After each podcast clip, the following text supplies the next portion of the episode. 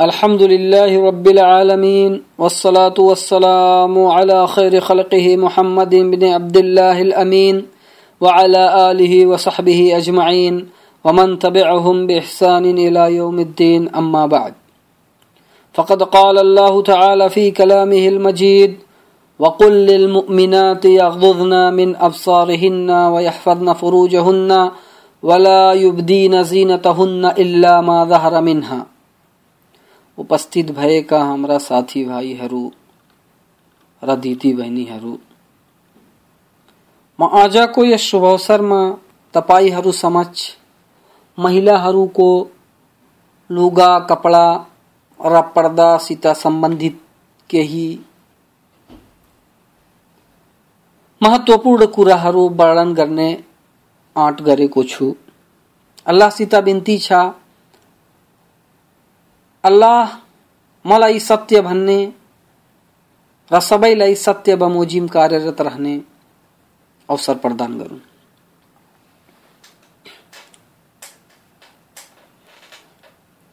पहिला म मुसलमान महिलाको वैधानिक लुगाको विशेषता वर्णन गर्न चाहन्छु। यसभन्दा पहिला मैले अघिको बैठकमा महिलाको प्राकृतिक रगतहरूको बारेमा तपाईँहरूलाई केही बताएका थिए। अब मुसलमान महिलाको रहन सहन लुगाफाट पर्दा कस्तो हुनुपर्छ यस बारेमा म तपाईँहरूलाई केही ज्ञानवर्धक कुराहरू बताउँछु। मुसलमान महिला को लुगा को विशेषता। नंबर एक, यो अनिवार्य छ कि मुसलमान महिला को लुगा यस्तो प्रकारको होस् कि त्यसको समस्त शरीरलाई छोपेको होस्। ती मानिसहरू समक्ष जुन त्यसको मुहरिम होइनन् र महिला आफ्ना मुहरिमहरूको समक्ष यस्तो लुगा लगाओस्, जसले गर्दा त्यसका ती अङ्गहरू मात्र खुलेका हुन्, जुन सामान्य अवस्थामा खुल्ला हुन्छन्, जसरी अनुहार पाइला पाइलाको तल्लो भाग, चारण, पूर्ण पाइला होइन नम्बर दो त्यो लुगा आफू मुनि अर्थात् भित्र, आफू भित्र भएका समस्त कुराहरूलाई पूर्णतया लुकाएको होस्। यसर्थ यति पातलो र सफ़ा, जालीदार नहोस् कि त्यसको पछाडि भएको शरीरका अङ्ग र रङ्ग झल्कोस्।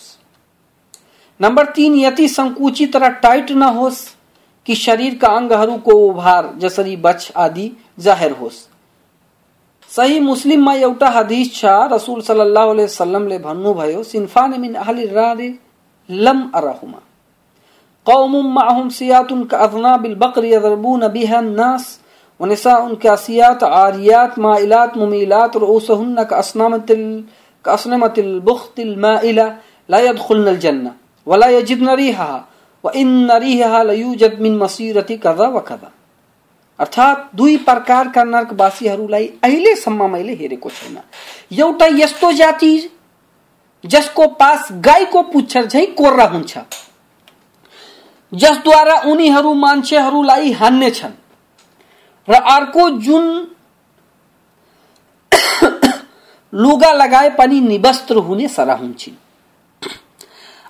अर्थात यस्तो पातलो र चुस्त एवं संकुचित लुगा लुगा लगाएका हुन्छन् कि नग्न अवस्थामै हुन्छन्।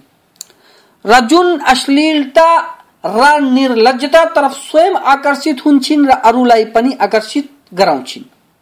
र उनीहरूको टाउको, कपालको चोटी, उठनीको कोहान जस्तो ढल्केको हुन्छ। त यिनी न त स्वर्गमा प्रवेश पाउनेछन्।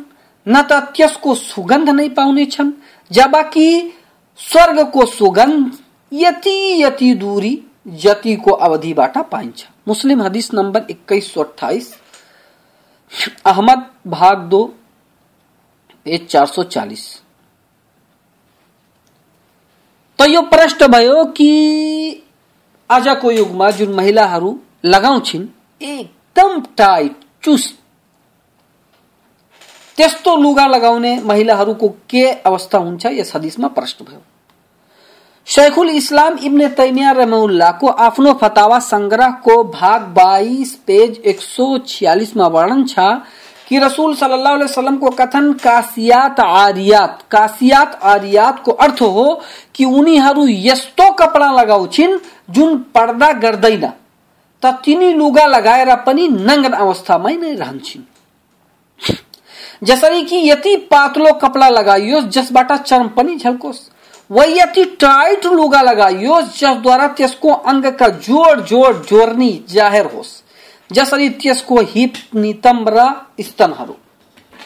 बरु महिलाको त्यसको शरीरको कुनै पनि अङ्ग जाहेर नहोस् त्यस लुगाको फराकिलो र बाक्लो हुने कारण यस्तो लुगा लगाउनु पर्छ। नम्बर चार त्यसको लुगा पुरुषहरू झै नहोस् किनकि रसुल सल्लाह वसलमले पुरुषको अनुरूपता तयार गर्ने महिलाहरूलाई धिक्कित गरेका छन्? र यस कार्यलाई यसरी गरिन्छ कि महिला त्यस लुगालाई लगाओ जुन पुरुषहरूको लागि विशिष्ट छ। जस्तो कि प्रत्येक समाज र समुदायहरूमा दुवै वर्गका लुगाफाट अलग र भिन्न हुन्छन्। अर्थात् विशिष्ट हुन्छन्। र यस्तै पुरुषको बानी बिहोरामा पनि अनुरूपता अख्तियार गर्नु हराम छ। शैखुल इस्लाम इब्ने तैमियाले मजमु फतावाको भाग 22 पेज 148 र एक सौ उन्चास र एक सौ पचपनमा भन्नुहुन्छ, महिला र पुरुषका लुगाहरू भिन्न गर्ने कुरा त्यसको उत्तम हुनु हो। यसर्थ जुन पुरुषको लागि उत्तम होस् त्यो पुरुषको लागि र जुन महिलाको लागि उत्तम होस् त्यो महिलाको लागि विशिष्ट हुन्छ। र यो नै त्यो कसौटी हो जसको आधारमा दुवैलाई त्यसको लागि सुहाउँदो लुगाको आदेश गरिन्छ। त जब महिलालाई त्यसको शरीरलाई लुकाउनुको आदेश छ र निवस्त्र र निवस्त्रताबाट रोकिएको छ र यसै कारण महिलालाई अजान दिनुको आदेश छैन र तलबिया पढ्दा पनि स्वरलाई उच्च गर्ने आदेश छैन, न त उनीलाई सफ़ा माथि चढ्ने आदेश छ, न त पुरुष झै एहराम लगाउने आदेश छ, किनकि एहराममा पुरुषलाई यो आदेश छ कि त्यो आफ्नो टाउकोलाई नछोपोस्, न त सामान्य लुगा नै लगाओस्, यसर्थ न त त्यो कमीज लगाओस्, न त सिरवाल, न त बुर्नुस लगाओस्, न त मोजा। र रह्यो महिलाको कुरो, त त्यसलाई यस्तो कुनै पनि लुगाबाट रोकिएन। किनकि त्यसलाई पर्दा गर्ने आदेश छ। यसर्थ पर्दा विरुद्ध लुगा लगाउनुलाई कसरी वैधानिक गरिन्थ्यो? तर त्यसलाई पनि नकाब र हत्केलीमा हत्केली लगाउने हत्केलीमा लगाउने पन्जाबाट रोकिएको छ। किनकि त्यो त्यस अङ्गको आकार जतिको बनाइएको हुन्छ जसको त्यसलाई आवश्यकता छैन। अनि भन्नुहुन्छ कि त्यो एहरामको अवस्थामा पनि अपरिचित मानिसहरूसित पर्दा गर्छ, अर्थात् आफ्नो अनुहारलाई छोप्छे। अनि अगाडि भन्छन्, यसर्थ यो स्पष्ट भयो कि यो आवश्यक छ कि महिला र पुरुषका पहिरन र लुगाहरू विशिष्ट हुन् जसले गर्दा एकअर्काको लुगाको पहिचान गरियोस्।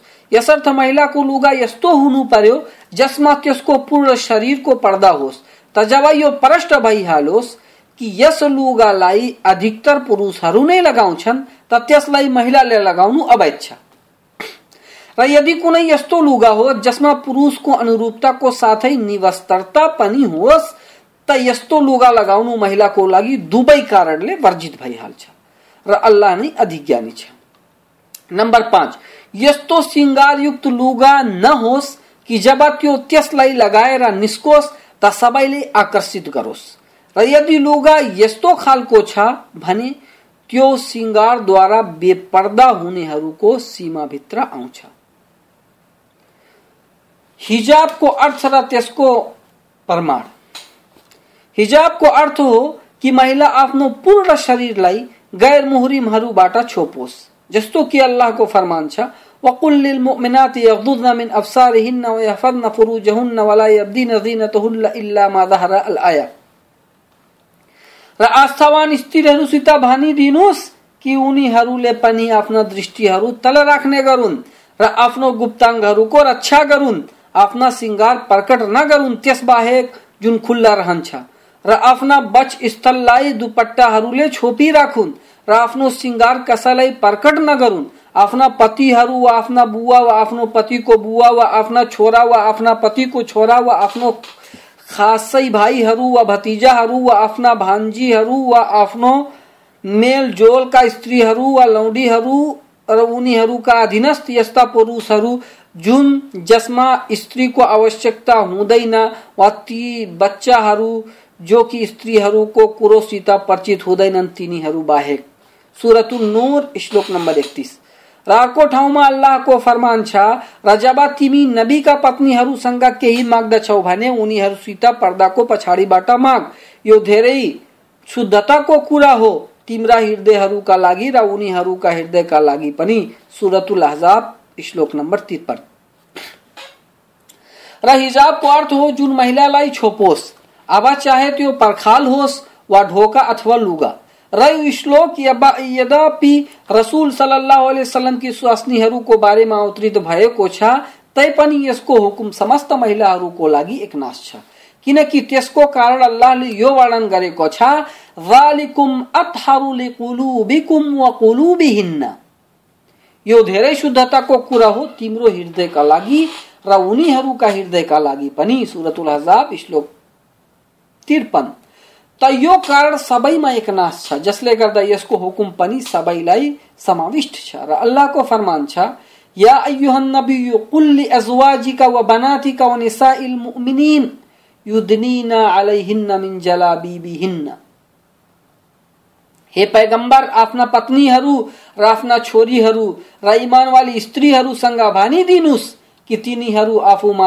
च्यादर हाल्ने गरून्। सूरतुल अहजाब श्लोक नंबर उनसठी। रशेकुल इस्लाम मजमू फतावा को भाग 22 पेज नंबर 110 111 मा भन्नुहुन्छ जिलबाब नै उचित छ। र यसैलाई इब्ने मसउद र अरू विद्याहरूले रेदा च्यादर भनेका छन्। र जुन अधिकांश एजार लुङ्गी भन्छन् त त्यसको अर्थ त्यो ठुलो लुङ्गी हो, जुन महिलाको टाउकोदेखि समस्त शरीरलाई छोप्दछ। र अबु उबैदा र उनी बाहेक अरू वृद्धहरूले भनेका छन् कि त्यसलाई महिला आफ्नो टाउकोमाथि यसरी लगाओस् कि त्यसको आँखा बाहेक केही जाहेर नरहोस् र यसै जस्तो नकाब पनि हुन्छ। र महिलाको गैर मुहरिमबाट आफ्नो अनुहारको पर्दा गर्ने प्रमाणहरू मध्ये हज़रत आइसाको यो हदिस पनि हो। हज़रत आइसाको वर्णन छ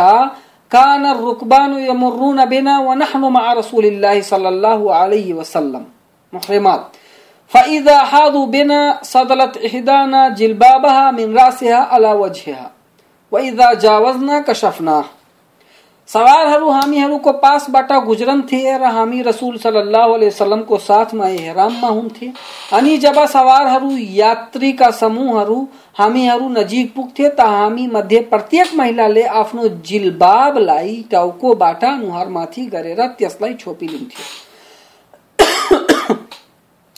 अनि जब उनी गइहाल्थे त हामी आफ्ना अनुहारलाई खोलिलिन्थे अबु दाउद हदिस नम्बर अठारह सौ तैतीस अहमद भाग छ श्लोक तीस। पेज नंबर तीस। इब्ने माजा हदीस नंबर उन्तिस पैंतिस। र यस कुराको प्रमाण कुरआन र हदिसहरूबाट थुप्रै छन्। यसर्थ अनुहारलाई छोप्ने बारे अधिक ज्ञानको लागि मुसलमान युवतीहरूमा तपाईँहरूसित निम्नका किताबहरूलाई हेर्ने आग्रह गर्दछु। हिजाबुल मरआ वलिबासुहा फिसलात लेखक शेखुल इस्लाम इब्ने तैमिया। राहुकुम सुफूर वल हिजाब लेखक शेख अब्दुल अज़ीज़ बिन अब्दुल्ला बिन बाज। र जत्ता अरू किताबहरू। त उपरोक्तका किताबहरूमा यति लाभप्रद कुराहरू छन्, जुन यस विषयलाई पर्याप्त हुन्छन्। यसर्थ, हे मुसलमान, स्त्री तिमीलाई ज्ञात रहोस् कि जुन विद्याहरूले तिम्रो लागि अनुहारलाई खुल्ला राख्नु जायज़ भनेका छन्, यस शब्दको साथ कि यसबाट उपद्रवको सम्भावना नहोस्, तैपनि उनीहरूको यो कुरो अमान्य छ। किनकि फितना उपद्रवबाट संरक्षण कता छ? र विशेष रूपले वर्तमान युगमा, जसमा पुरुष र महिला दुवै भित्र धर्म धर्म परायणतामा अति कमी आइसकेको छ। र लज्जा मान्नुमा कमी आएको छ। र उपद्रव तर्फ आह्वान गर्नेहरूको संख्यामा वृद्धि भइसकेको छ। र महिलाहरूले लाना थरीका सिङ्गारद्वारा आफ्नो अनुहारलाई सजाउन थालेका छिन्, जसले गर्दा निर्लजता र उपद्रवको खतरा अरू बढिसकेको छ। यसर्थ हे मुसलमान महिला, यी समस्तबाट बाँच्नु र तिमी आफ्नो शरीरको यस्तो तरिकाले पर्दा गर्नु कि त्यसको कुनै पनि भाग प्रदर्शित नहोस्। र तिम्रो माध्यमले निर्लजताको विस्तार नहोस् तसर्थ विगत वर्तमानका विद्धहरू मध्ये एउटा विद्धले पनि ती समस्तलाई जायज़ भनेका छैनन् जसलाई वर्तमानका महिलाहरू प्रयोग गर्छिन्। र जसद्वारा उनीहरूको हिजाब प्रति कपट र कुटिलता सुदर्शित सुदर्शित भइहाल्छ यसर्थ तिनीहरू जब यस्तो समाज र वातावरणमा हुन्छन् जहाँ हिजाबको चलन छ त त्यहाँ हिजाब लगाउँछिन्। र यदि यस्तो समाजमा छिन् जहाँ हिजाब लगाइँदैन त त्यहाँ यिनीहरू पनि बेपर्दा भइहाल्छिन्। र केही महिलाहरू त सार्वजनिक स्थानमा त पर्दाको प्रयोग गर्छिन्। तर कुनै दोकान वा चिकित्सा केन्द्र वा सुन चाँदीको पसल वा दर्जीको दोकानमा प्रवेश गर्दा आफ्नो अनुहार वा बाहलाई यसरी निवस्त गरिहाल्छिन् मानव आफ्नो लोग्ने समक्ष बसेका छिन्। वा आफ्नो कुनै मुहरिमसँग छिन्। त जुन महिलाहरू यस्तो व्यवहार गर्दछिन्, उनी अल्लाहसित डर मानुन् र यो पनि दर्शन गरिएको छ कि महिलाहरू प्लेनद्वारा बाहिरबाट आउँदा तबसम्म हिजाबको प्रयोग गर्दैनन्, जबसम्म सौदीको कुनै विमानस्थलमा प्रस्थान नगरून् यसर्थ पर्दा गर्नु वर्तमानमा रीतिरिवाज र बानी एवं फेसन भइसकेको छ कुनै धार्मिक अनुष्ठान र निर्देशन त्यसलाई मानिन्न। हे मुसलमान महिला र दिदी बहिनीहरू निसन्देह पर्दा तिमीलाई विषालु दृष्टिहरूबाट सुरक्षा प्रदान गर्छ। जुन कि रोगी मान्छेहरू र मा रोगी, मानव मध्ये कुकुरहरूबाट तिमीहरू माथि हालिन्छ। र यो पर्दा तिमीलाई अश्लीलता युक्त घाउबाट अर्थात् विचार बलात्कारको घाउबाट सुरक्षा प्रदान गर्छ। यसर्थ हे मुस्लिम महिला हिजाबलाई आफूमाथि अनिवार्य गर। र ती मिडियाहरू तर्फ ध्यान नदेऊ जुन हिजाबका विरोधी छन् वा त्यसको महत्वलाई कम गर्ने प्रयास गर्न खोज्दछन्। र यी सबै षड्यन्त्रहरूद्वारा उनीहरूको उद्देश्य तिमीलाई हानि पुर्याउनु मात्र छ, जस्तो कि अल्लाहको फरमान छ।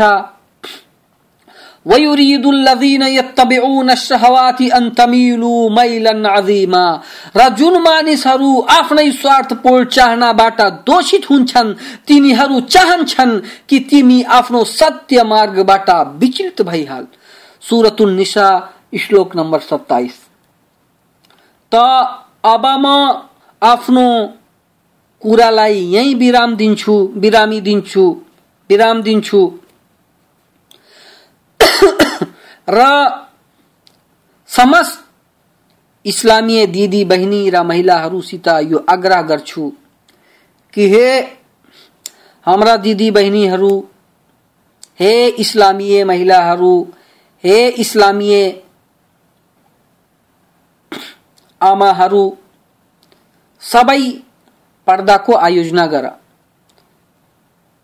र पर्दा नै तपाईँहरूको लागि त्यो परिधान हो जुन तपाईँलाई समस्त प्रदूषित र विषालु दृष्टिहरूबाट सुरक्षा प्रदान गर्छ।